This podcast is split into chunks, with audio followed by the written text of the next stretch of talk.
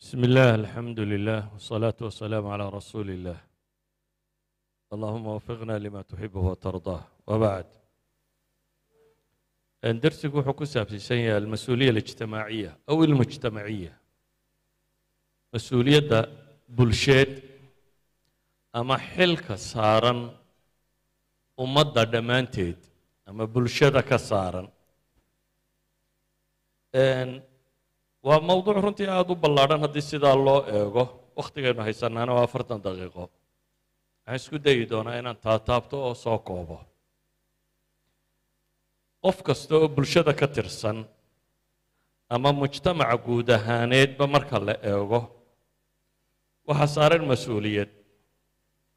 Mas'uuliyaddaasi way qayqaybsan tahay.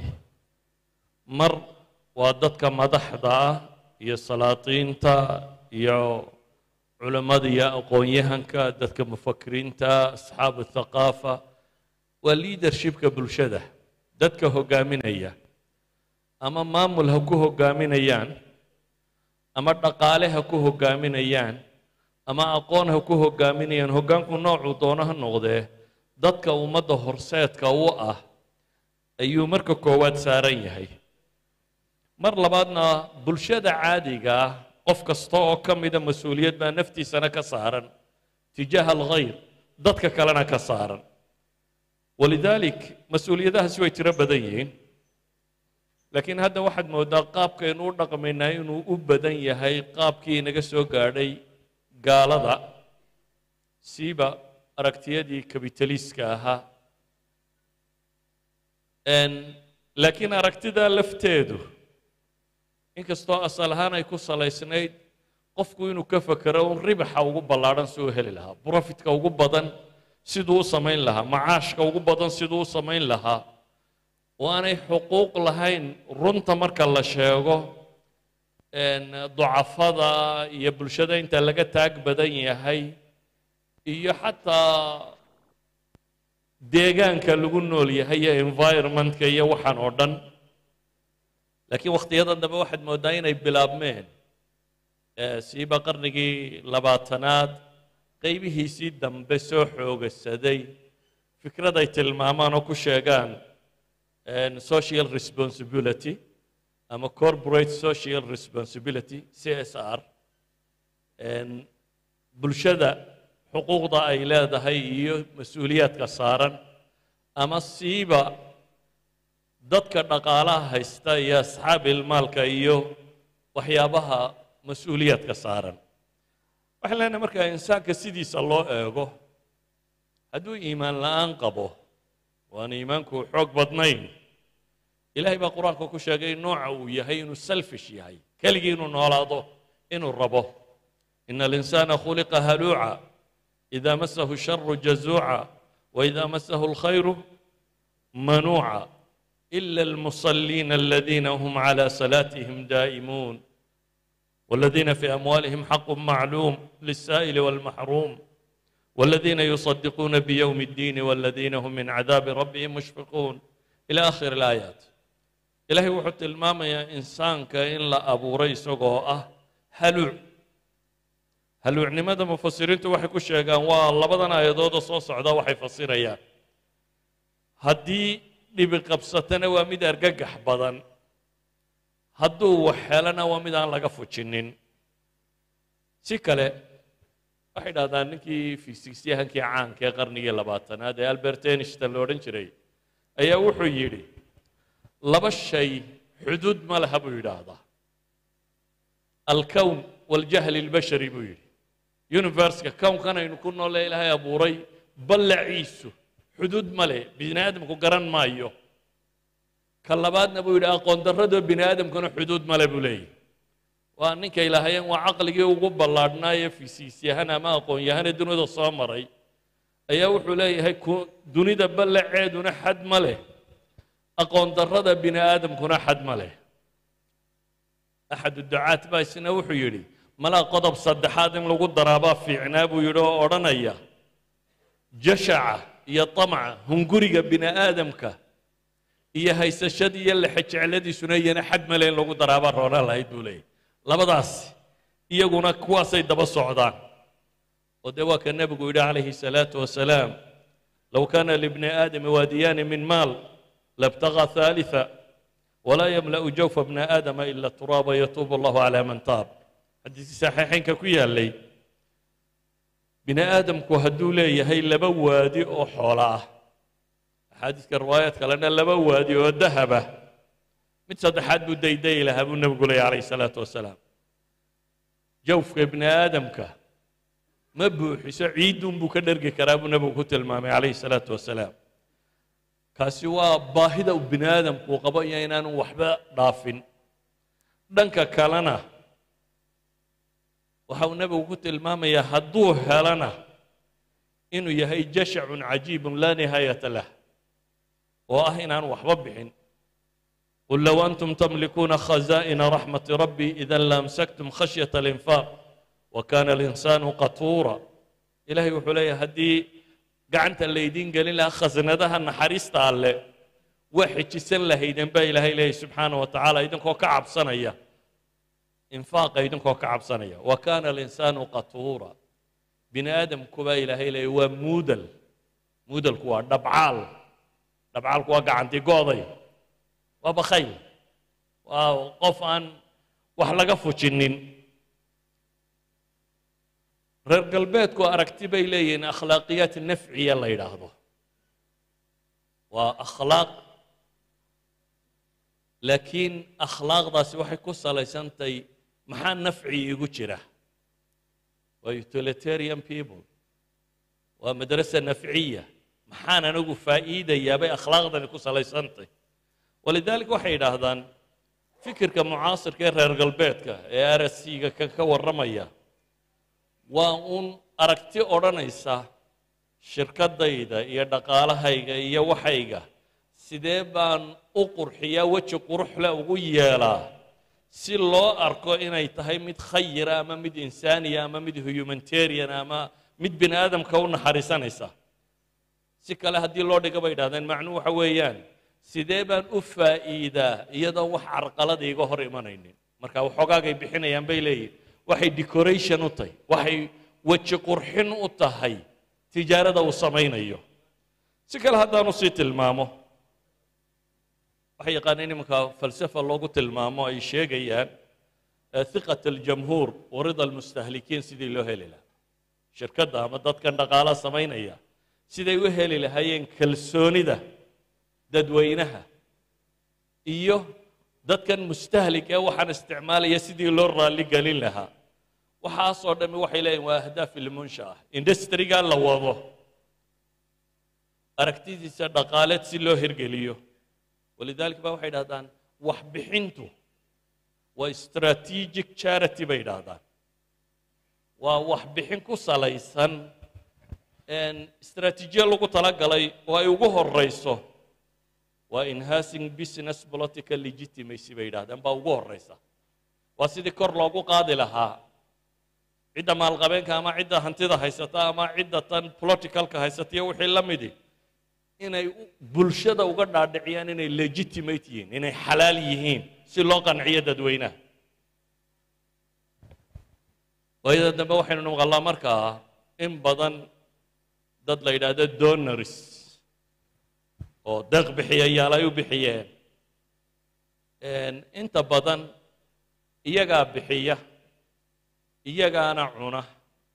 Innagu waa u karinaa innagu waxa la cunayana isagaa leh. Cidda cunaysaana waa isaga. Laakiin adigu waad u xalaalaysaa waad u karisaa oo inaynu karinno ayaynu inagu ka nahay. Laakiin asalku wuxuu yahay waxay dhahdeen kabitaliska wejigiisa foosha xun leh in la qurxiyo. Amaa markaynu ka warramayno social responsibilityga qofka muslimkaa ama ummadda muslimkaa waa alictimaadu calaa nafs. Waa dadku inuu isagu isku tashado inuu isagu dar yeelo danta guud iyo danta khaaskaaba. Bulshadu ama madax ha noqoto ama mijo ha noqoto ama tujaar ha noqdaan ama foqoro ha noqdaan dadku inuu isku tashado sidii uu u awdi lahaa baahida bulsheed dhammaanteedba. Walidaalika marka islaamka la eego hantida iyo caqliga iyo xoogga iyo waxaba waxaynu rumaysanay inuu ilaahay maalkiisii yihiin waaatuuhum min maali illaahi aladii aataakum baa ilaahayna leeyahy waar dadka waxa wax ka siisaan. Xoolaha ilaahay ee uu idin siiyey. Xoolahan iyo dunida inaad ka shaqaynayso o dhan ilaahay baa iskale adigana ku leh. Bal adiga iyo waxaan leeyahan isku kiina eegayaa baa ilahay yidhi saa isugu tasaruftaan kownkan dhammaantii iyo waxaad waddo o dhan ilaahay baa iska leh. Adna isagaa ku leh. Laakiin waxa lagu yidhi nooc min atasaruf baa lagu dhiibayaa ee bal waxa lagugu eegayaa sida aad u isticmaasho iyo sida aad ugu dhaqanto taas baa laguu eegaya.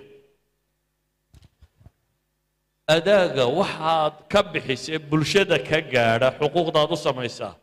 Ilaahay wuxuu leeyahay alam yaclamuu ana allaha huwa yaqbalu towbata can cibaadihi wayaakhudu sadaqaat wa ana allah huwa atawaabu araxiim ka diin ahaan bulshada xilka saaran oo inta badan aan u weecan doono dhanka dhaqaalaha tilmaami doono. Badh waa waajib. Oo diin ahaan bay waajib u yihiin badhna waa mustaxab. Oo diin ahaan baa layna faray. Inaynu samayno si aynu bulshada u caawinno. Iyadoo lagu tiirsanayo qiyamka ama valueska ilaahay inoo dhigay ee ah naxariista iyo iskaashiga iyo wixii la halmaalo waxay ku salaysantahay nusuusta qur'aanka ilaahay leeyahy watacaawanuu cala albiri waataqwa warsamaha isku gargaarsada baa ilaahay yidhi oo ha isku gargaarsanina xumaha faman tatawaca khayran fahuwa khayru lah. Ilaahay wuxuu leeyahy subxaana wa tacaala ciddii khayr samaysaa ee ku tatawucda khayr buu leeyahy bale ilaahay qur'aanka wuxuu inoogu tilmaamayaa bulshada inteeda liidata haddii la taageeri waayo inay macnaheedu tahay aakhiro kuwa beeniyey calaamadda lagu yaqaano. Ara'ayta aladii yukadibu biddiin fadalika aladii yadcu lyatiima walaa yaxudu cala طacaami اlmiskiin baa ilah yidhi. Waa idiin sheegaa baa la leeyahy subxaana wa tacaala ka aakhiro beeniyey kii aakhiro beeniyey waxaa astaan looga dhigay. Waa ka naxariistu ka guurtay agoontana tuuraya masaakiinta quudintoodana aan boori dhiirinaynin ama se boorinaynin guud ahaan haddaba waxay leenahay si aan u dul maro uun. Dhammaanteed mas'uuliyad baa ina saaran. Kullukum raac wa kullukum mas'uulun can raciyatih dhammaanteed mas'uuliyad baa ina saaran. Mas'uuliyadda ayna saarane waxay ku salaysantahay bulshadu ka bulsho ahaan iyadoon waxba iskala soocin.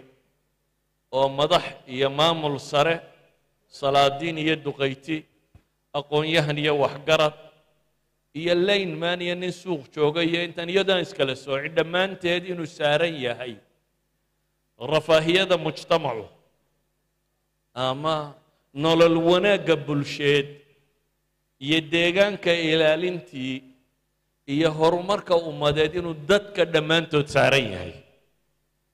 Walidaalika waxaynu leenahay ka afraad ahaan iyo hay'ad ahaan waxa saaran.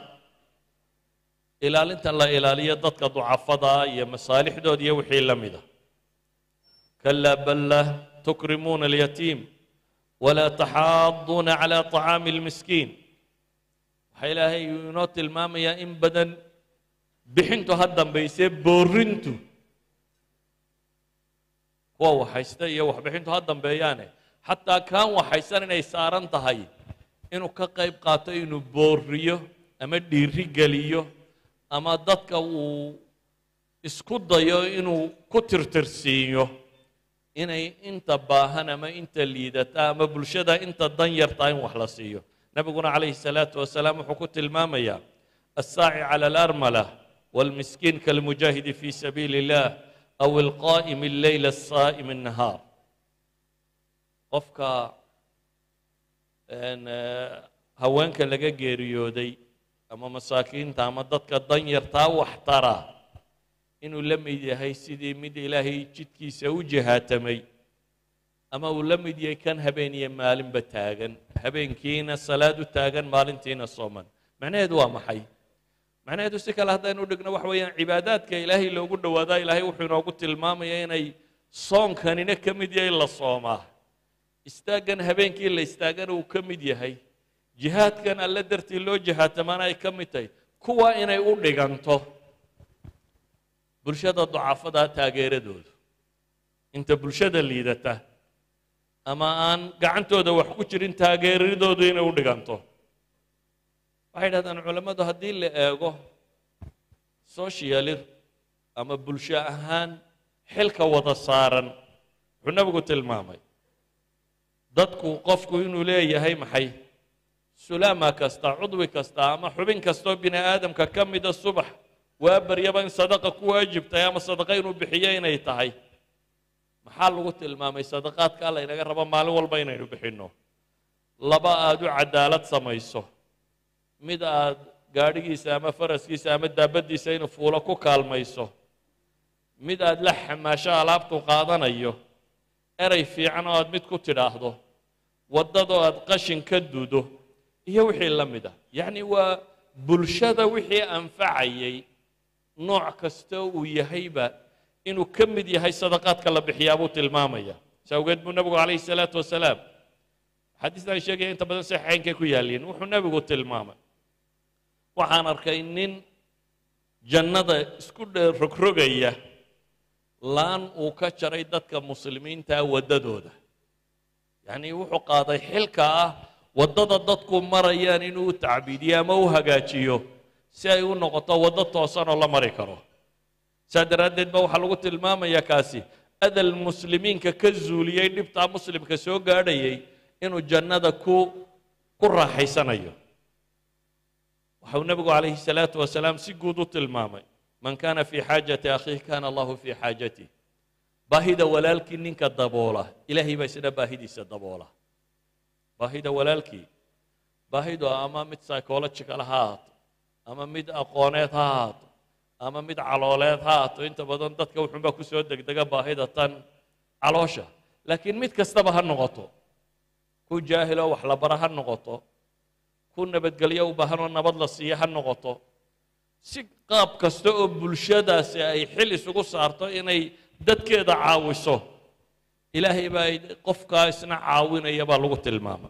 Qofka qof muslima kurbo ka fayda noocay doontaba ha noqotee oo kurubaadka adduunka ka mid ah ilaahay baa kurbadaha aakhire ka fayda. Qofka qof muslima sitriya astura. Ilaahay baa aakhire astura. Waxaan rabaa markaa anigoo war badan soo koobaya waxaa lagu tilmaamayo mas'uuliyadda bulsheed nooc kastoo ay u tahayba. Waxaynu u baahannahay inaynu inagu isku fillaanno. Inaynan shirkad reer galbeed ama urur reer galbeed oo madaniya iyo wax la mida dad aan lilaahida aqoonin ee iyagu decoration u wada dowladahooda ama shirkadahooda ama tabiciyada raba inay kugu hayaan siday wejigooda u quruxsan lahaayeen waana waxa iyagu qoraan maaha waxaan anugu saarayo la leeyahay wadaadada waxaa ka sheegaya. Waa iyagu buxuustooda ku saabsiisan corporate social responsibility-ga waxa ay ku macneeyeen. Waay wax loo bixinayaa aakhiraba ma rumaysnay leede waxaan wax u bixinayaa buu leeyay shirkaddaa wejigeeda qurxinaya. Dadka aan wax ka iibinayaan rabaa inay si fiican tabaci ugu noqdaan waxaan rabaa meesha aan ka samaynayo hantida. Inaanay profit makingkaygu inaan wax caraaqila la kulmin wax dhiba la kulmin. Lakiin waxaynu leenahay haddii innagu wax badan waynu qabannaa laakiin waxaynaan inta badan systematic ahayn waanay nidaamsanayn. Marka qof waliba wuxuu isku dayaa individually keli keli inuu wax u qabto. Haddii wax yar la ysku dayo wax badan baa la qaban karaya maalan haddaan wax tiltilmaamo bulshadu ay hadda qabataba. Waan odhan karo wuu ka raad fiican yahay kuwa kale waxay qabtaan waayo kuwa kale. Iskuol bay musqul yar ka ag dhisaan oo toban boord bay ku qortaan. Markaad boodharhka akhrido donatorka waxaa kaloo fuliyey. Toban hay'adood baa ku qoranoo midi bixisay midi soo qaaday midi fulisay waana musqul. Markaad akhrido waxumaad odhanaysaa malaha iskuulkan oo dhan bay dhiseen. Hadhown baa lagu odhanaya musqusha yare xagga ka xigta. Weeyaane iskuulka shaqo kuma idan iyagu waxooda waxay isku dayayaan inay sheegaan. Sheegistoodaa tirada badan laa waxay dadka ka dhaadhicisay. Donarsniman la yidhaahdo waddankaba wadaa inay jiraan oo wax walba iyagu bixiya. War nimankani waxoodaynu u karinaa iyagaa cuna iyagaana soo qaata. Horta dee ku qabsan mayno tolkood bay ka keeneen oo idinku malihidin laakiin waa u bislaysaan si ay u cunaan baa idinku tihiin. Dheriga ciddii u karinaysay. Innaga dad badan baa wax qabta maalan hargeysa iyo magaalooyin kaleba waxaa ka jira mashaariic la yidhahda miskiin kalkaal oo dad xaafadaha ka tirsan oo isxilqaamay ay wadaan oo dad ay isku dayaan xaafaddaa dadka deggan wixii xaafad dan yare ku jirta intay tiro koobeen ay bil kasta waxay cunaan siiyaan laakiin boord ma leh meella kuma qora waana boqolaal iyagu hadday toban qof wax siiyaan toban buul baa loo dhisaa dabeetana iclaamkuna wuu sheegaa dowladduna way sheegtaa jaraa'idkuna way sheegaan meel walba waa laga sheegaa in doonarkani wax bixiyey. Laakiin doonariskan masaakiinta ah ee magaalada hargeysa degani boqolaal xaafadood baa jira oo ay wax siiyaan. Waxaa jira mashaariic la yidhaha jaar wanaag tana xaafad xaafadaha hargeysa ka mid a waxay tilmaameen. Xaafad baa isu tagtay. War bal jaarku ha isbarto jaarkaa isbartay markii dambena waxaa la go'aansaday bal jaarka wixii baahan aan eegno way soo tira koobeen. Waxay go'aansadeen inay xaafadda gudaheedu wax iska ururiso. Qoysaskii baahnaa in la yidhaahdo dukaankaasi ama bakhaarkaasina raashinka qaydhin ka qaata. Bishiina intaasaa u baahantahay suuqa ku taga. Waxay xaafaddu iska ururisane wax buuran maaha. Waxaa yarbaa waxay sababeen inay jaar wanaag dhisaan boqol guri konton guri dadka isku xiga inay jaar samayn karaan. Waxaa ka jira maalan magaalada hargeysa dadyow maanta dee kabitalisnimadaynu ku sii socnaa waxa weeyaan maalan maanta waxbarashadu laga bilaabo qur'aan ilaa jaamacad waa maxaad haysataa? Waayo sistamkii dowladnimo ee qaadi kari lahaa ma haysanno inta ay qaaday waa in kooban dadkana kuma filla intii kale xaggay wax ka baranayaan. Dad baa iskuulle iyo jaamacaad iyo wax brifate sameeyey. Dhulka ay sameeyeen oldo ay marka hore profit minded yihiin laakiin haddana dantu waxay ku qasabtay. Meel walba inuu joogaan boqol laba boqol saddex boqol afar boqol oo qof oo masaakiina wax la baro. Laakiin cid iclaam kuma qorto lama sheego.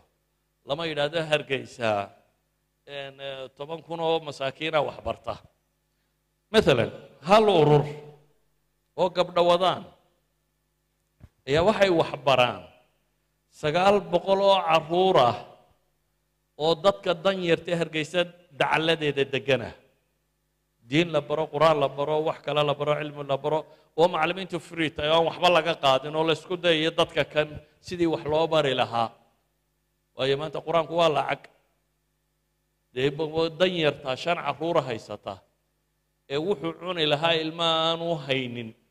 Qur'aan iyo iskuul iyo meel kale u geeyaa dee ma jirayso. Isagoo jecelba baanu awoodin. Waayo duruuftu maanta aad bay uga adag tahay. Walidaalik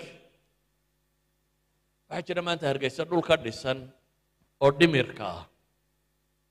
Dadyow xanuunsanayo waalan dad haya. Waa laga yaabaa inaad tidhaahdaan dee lacag bay u furteen? Qaybo lacag u furtay waa jiraan laakiin haddana kuwa lacagta u furtay qaybo ka mid a waxay hayaan dad badan oo xanuunsanaya ay suuqa ka qaadeen. Dad badan oo xanuunsanaya oo ay suuqa ka qaadeen oo ay ilaaliyaan. Oo laga yaabaa cidda qudha ee taageertaa inay tahay odayaal isxilqaamay ama waayeel isxilqaamay ama waxoogaa culamo oo isu tagtay inaha siinayin inta taageerta. Maanta magaalada hargeysa waxaa laga yaabaa waddooyin badan oo ku yaalla inay bulshadu dhisatay iyagu ay jeexeen oo ay dhiseen. Ummadduna haddaan infrastructure jirin ma soconayso. Waxa ku yaalla oo u baahan inaynu in badan isu egno deegaanka iyo tijaaraddu inay wada socdaan. Waad ku baaci mushtaraynaysaa waddanka. Laakiin waxa aad xumayso waa inaad mas'uuliyaddeeda qaadaa. Siiba dadyowga baac mushtarka ee waaweyn wax badan baa jiro environmentka uu ka xumaynaya. Maalan tusaalayaal kooban baan idin siin waddooyinka ayaa isticmaala dadkao dhan baa isticmaala laakiin yaa u badan ee burburiya. Waxa u badan dadkan raashimada keena iyo waxa kane gawaadhida waaweyn iyo waxa kan baa u badan. Waayo gaadhi labiyo toban tana ama afar iyo labaatan tana markaad mariso waa qasab. Idan responsibilityga inaad adigu ka badan tahay kan miskiinka ee dukhaanka wata waa inay kaa dhaadhacdaa si kale markaan u dhigo maalan hargeysa xashiishka ugu badan yaa keena. Kow waxa keena qaadka. Gaadhi kastoo qaadii wuxuu keenaa maxay? Dee inta la cunayo intay ka cunaan marka laga reebo. Imisaa soo hadha garaabo imisaa cawsaaraa imisaa wax ku xidhnaa imisaa wax ku xidhnaa.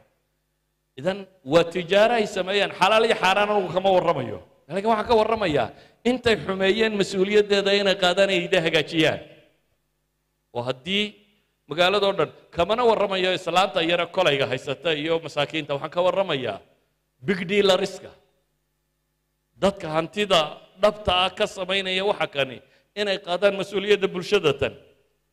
Maalan waxaan tilmaami karnaa biyaha la cabo. Mise cagadood baa maanta magaalada lagu tuuraa iyo responsibilityga leh. Waxaan ka warrami karnaa dhismaha la dhiso imse qashinaa ka soo hadha. Yani waxaan tilmaamaynaa waxa weeyaan shaygu ama waajib ha kugu noqdo ama si tatawucaba u samee bulshadu adageeda iyo dhibteeda inay iyadu xallisho.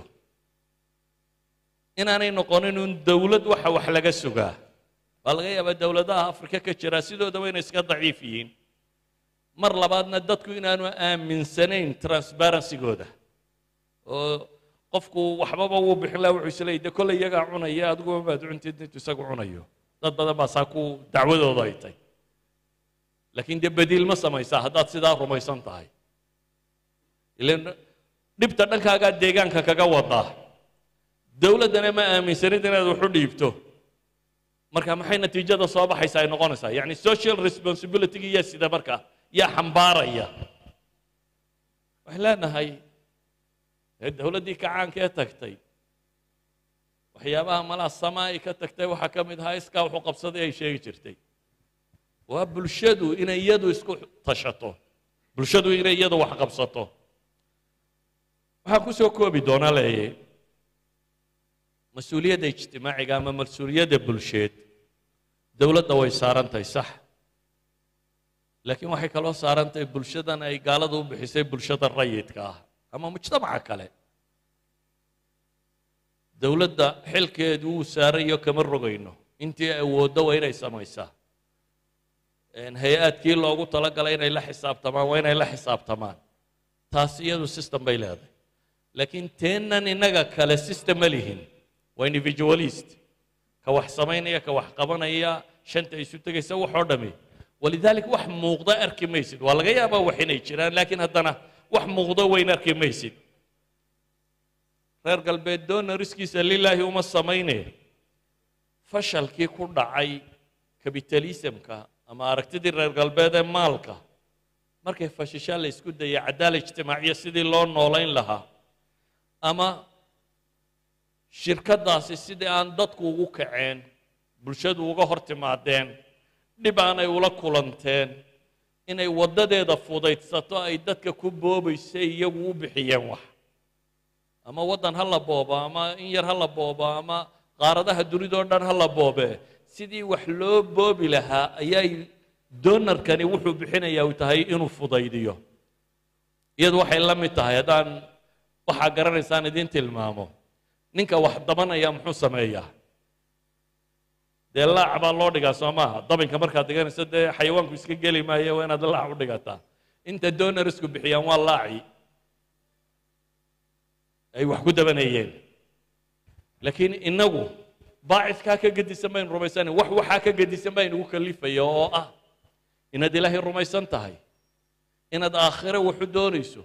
Inaad rida allaahi rabto inaad gaadho adoon rida albasharba helin. Ilaahay raalli heshiisa inaad hesho saa awgeed ilaahay qaybna wuu inugu waajibiyey oo maalan zakawaadkii oo kale waa laynagu waajibiyey si bulshada xilkeeda loo xambaaro oo laga yaabo inay gaadhayso maxay two point five ilaa twenty percent. markaaskiiyo wixii la midka ahaa qaarna boqolkiiba laba iyo badh laga qaado qaarna ilaa iyo boqolkiiba labaatan laga qaado intaa ka dhex leh waxyaabo waajibaad oo sharciguuna faray baa jira. Oo hadday systematic noqoto bulshada ka saari lahayd dhib badanoo haysata. Kaasi waa xuquuq waajiba xuquuq kaloo waajibaa jiro dee kuwii qaraabada ama jaarka ama kafaaraadka waxaasoo dhamme fi shariica waa mulzam in lala yimaado. Qaybaa jira shareecadu ay inoo jidaysay oo muslimiintii horena ay ku soo bedhaadhay innagu si aynu ilownay hadaynu soomaalida u badannahay maalan duwalkii islaamiga ee hore jiray. Social responsibilityga ugu badan waxaa samayn jiray. Wixii ay odhan jireen awqaafta. Awqaaftu wuxuu ahaa system ah in wax la lala baxo laakiin usuusha ay hadho. Riica ama waxa ka soo baxaya wax lagu bixiyo. Maalan waxbarashadii caalamulislaami ee jaamacaadka ugu tirada badan dunida iyagu lahaayeen ee madaarista ugu waaweyn ay lahaayeen waxaasoo dhammi waxay ku socdeen awqaaf wax la yidhaahdo. Dad tujaara ama shirkada ama xoole maalqabeena ayaa waxay sameeyeen meel dhaqaale uga soo baxoo lagu wado. Waqfi islaamiya oo waxa kan sameeya bay sameeyeen. Waxay sameeyeen awqaaf dhallinyarada shaqada leh aan guursan karin loogu guuriyo waxay sameeyeen awqaaf dadka buke ee caafimaadka u baahan bibmaristaano ay ku helaan meelo dhakhtarro lagu daweeyo oo daawada iyo dhakhtarkuba free yahay. Caalamulislaama ugu horreeyey dunida. Meel dhakhtar iyo daawo free ay yaaliin dowladdana may ahayn. Waxay ahaayeen awqaaf dad muslim oo caadiya ay sameeyeen. Waxay lahaayeen yacni xilka dowladda saaranaba wuu yaraa walidaalika baanay cashuurba la qaadi jirin waayo xilka dadweynaha qaaday baahi looma qabin in dadka hanti kale laga soo qaadee dadka tatawuc iyagoo ilaahay ugu dhowaanaya sameeyey inay baahida bulshada awdi karaan ilaa xad bay magaalooyinka qaarkood awqaaftoodu gaadhay qofka shaqaalaha weelka ka jaba meel laga siiyo inuu helo maqaaxidaad ka shaqaynaysaa koob baad jabisay waqfi baad tegaysaa koobkii jabnaa intaad geyso ku soo siiyo koob isku yaalla oo aad iskaga bixiso. Innaga mujtamaca soomaalidu awqaaf ma jiro bal eh odayadii hore soomaaliyeed baa masaajid masaajid u dhisay dhowr daarood kuwaana marar badan kuway dhaleen baaba ku habsada. Oo awqaafta yareeda masaajiddu lahaan jirtay waxaa laga yaabaa in lagaba fujin la-yahay nin ama naadir sheegtay ama wax la mida sheegtay. Mushkiladdu waxa weeyaan waxeenu systematiga ma galaan. Xataa inta badan shirkadaha guulaysta ama waxa guulaysta waxu badan yihiin wax nintoocsiya odaygaa shirkadda le markuu dhinto tobankii dhexlayay unbaaba isku dila una waa baabaadaa yani waxa weeyaan nolosheenoo dhan baa systemku ka maqan yihi nolosheenoo dhan ayaa waxaa ka maqan system. Maanta haddaynu awqaaf la samayn karo waddada jabta waa dhisan kari laha inagoon dowlad sugin. Miskiinka waxbaa la siin kari lahaa. Bal waxaad qiyaastaa wax weyn ka kaale hargeyse maanta waxaa lagu qiyaasaa si ay xisaayaadkan googalku uu qoro. one point five million iyo one point three iyo meelahaas ay qoraan. Haddii qofkiiba koob shaaha shubo maalintii kun shilin bixiya waa imsaad u malaynaysa. Waa malaayiin min adollaraat yani waqfi islaamiyo koob shaahaynu ku caawinaa wuxuu samayn lahaa waxbarashada dadka waxmahaysatada oo dhan inaynu qur'aanka bilaash uga dhigno. Waxaad meelahan dadka maqlaysaa leh. Qur'aankii baa lacag noqday oo dee dadkii qur'aankii dhigan waa waa dhab oo lacag buu noqday laakiin dee wadaadkuna wuu baktinaya haddaanu lacagta qaadin xaguu waxuu cuno ka helaya. Waxay ahayd innagu intaynu isaga kafaalo qaadno inaynu ahno qur'aanka bilaash ku dhig warya isagana waxaynu cunno wax la mida intaynu siino wax cuno. Inaynu dhahno siddeed saacadood iyo tobanba. Shaqee. Taasi waxay fudaydin lahayd. Yacni haddii bulshadu ay xilka isa saarto oo ay qaaddo. Waxaan ogay waxyaabaha yar ee ka socda. Afar wadaad baa wejigu diirmay. Siday kolba shirkadu hortaagnaayeen lahayn waayo marka lagu garto kolba nin ordayuma xasan cabdisalaam inooge xasan xagu idin geyn. Afarta shirkadood waynu idin hor ka caawin. Idinkaa soo qorto idhaha shirkad hebel noo raac shirkad hebel noo raac shirkad hebel noo raac. Dee maalin walba hadduu hortaagnaado maalinta dambe cid waxba siin mayso. Laakiin inuu system jiraa ahayd shirkadaani meel ay lacag ku shubaan. Haddii aanu jirin weliba iyagaan waxaan ku dhiiri gelinaya war idinkaa systemka garanayo shirkad samaystaye waqfigana hadda waa samayn karaysaan. Oo dadku idinkula guro. Dadweynaha kale ee muslimka ahi waqfigu idinkula guro oo system leh. Oo maanta haddaynu idhaahno labada sane soo socota waqfaynu samaynaynaa ah dadka inaynu qur'aanka bari karno bilaash lagu dhigi karo. Waa ku guulaysan karnaa labada sane ku xigta waxaynu samayn karnaa. Waxbarashada inteeda ugu badan dadka aan waxaysan inaynu bilaash uga dhigi karno. Waa samayn karnaa. Labada ku xigta waxaynu samayn karnaa. Dadka inta baahan ee magaalada degan in at least ramaqilxay waxay ku noolaan karaan in la siiyo in nafta lagu ilaaliyo. Idan waxa aan tilmaamaya waxa weeyaan social responsibilityga dadka muslimiintaa saaran. Nebigu wuxuu leeyahy calayhi salaatu wasalaam khayru nnaasi anfacuhum linnaas. Dadka waxa u khayr badan ka dadka ugu anfac badan. Dadka ugu anfac badan. Waa laga yaabaa magaalada inay idinla joogaan culamo idin anfacayo cilmuun idinku akhriyo bilaash ku akhriya. Konton sannadood ma sheekh dirir ma afartan sannadood buu idin akhrinayay aan yareeyaba isna yuda'da ka xanaaqine soddoneeye waa idinku waday. Soddon sanuu bilaash idinku waday. Xataa intaad tidhaahda waad mahadsantahay ummadda waxbaad bartaa yar. Waxaynu u baahannahay marka waxa weeyaan nabigu calayhi الsalaaةu wasalaam markuu leeyahy mathalu اlmu'miniina fi tawaaddihim wa taraaxumihim wa tacaatufihim ka mahali اljasad اlwaaxid ah isu danqadkoodu waa sidii jidh qura buu nebigu tilmaamaya.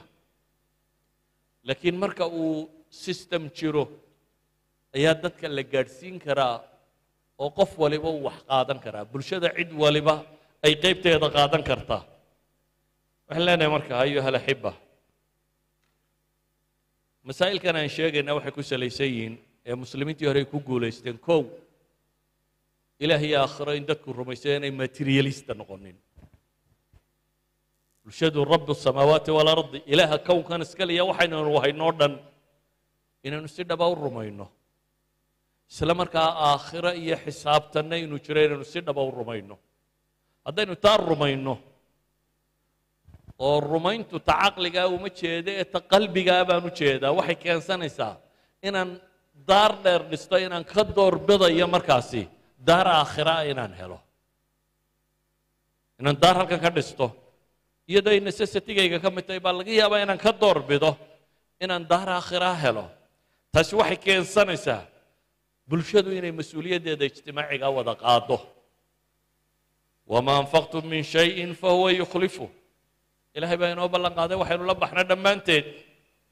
Hadduu cilmi yahay iyo hadduu xoolo yahay iyo haddii waxaynu la baxnaba inaan laynoo inuu inoo beddelayo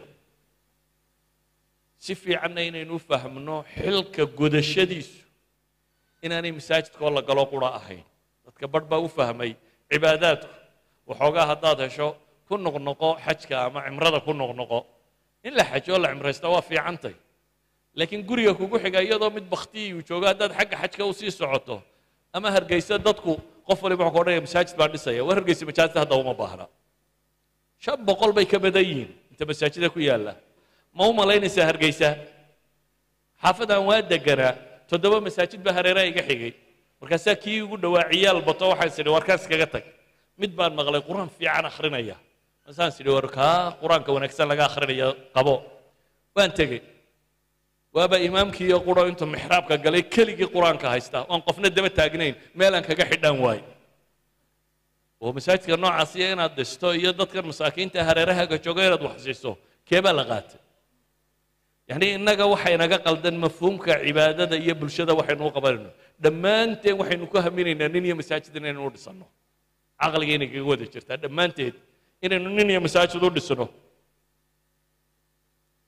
laakiin khayrku meelo aad moodayso inaanu ku jirin. Waddadaa dadku marayo aad dhistaabaa masaajid badanoo maanta la dhisaya dhaanta. Waddadaa dadku marayo. Oo ka gaadhiga wata aan gaadhigu ka jabin.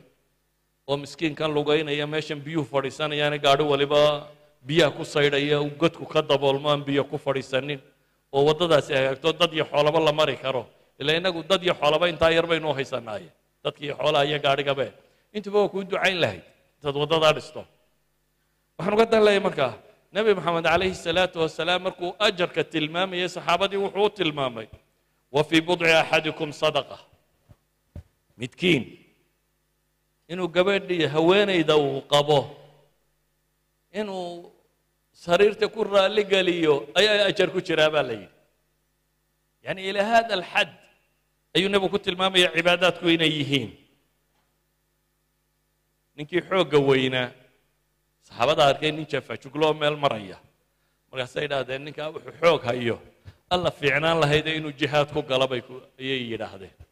Markaasuu nebigu wuxuu ku yidhi calayhi salaatu wasalaam hadduu laba waayeeloo gebgaboobay ugu soo xoojinayo ama carruur yaryara uu dhalay uu ku asturayo ama uu naftiisaba baryada kaga celinayo fa huwa fii sabiili illaahi buu nebigu yidhi. Ilaahay jidkiisii buu hayaa kaas saxaabadu waxay leeyihiin isagoo jihaadka galaa ka fiicnaan lahayd ninkani waxaanu feedha haysto. Iyo xoog. Waxa laynoo tilmaamaya waxa weeyaan war bulshadu waxay u baahan tahay inay yeelato social responsibilityga inay dareemaan. Siiba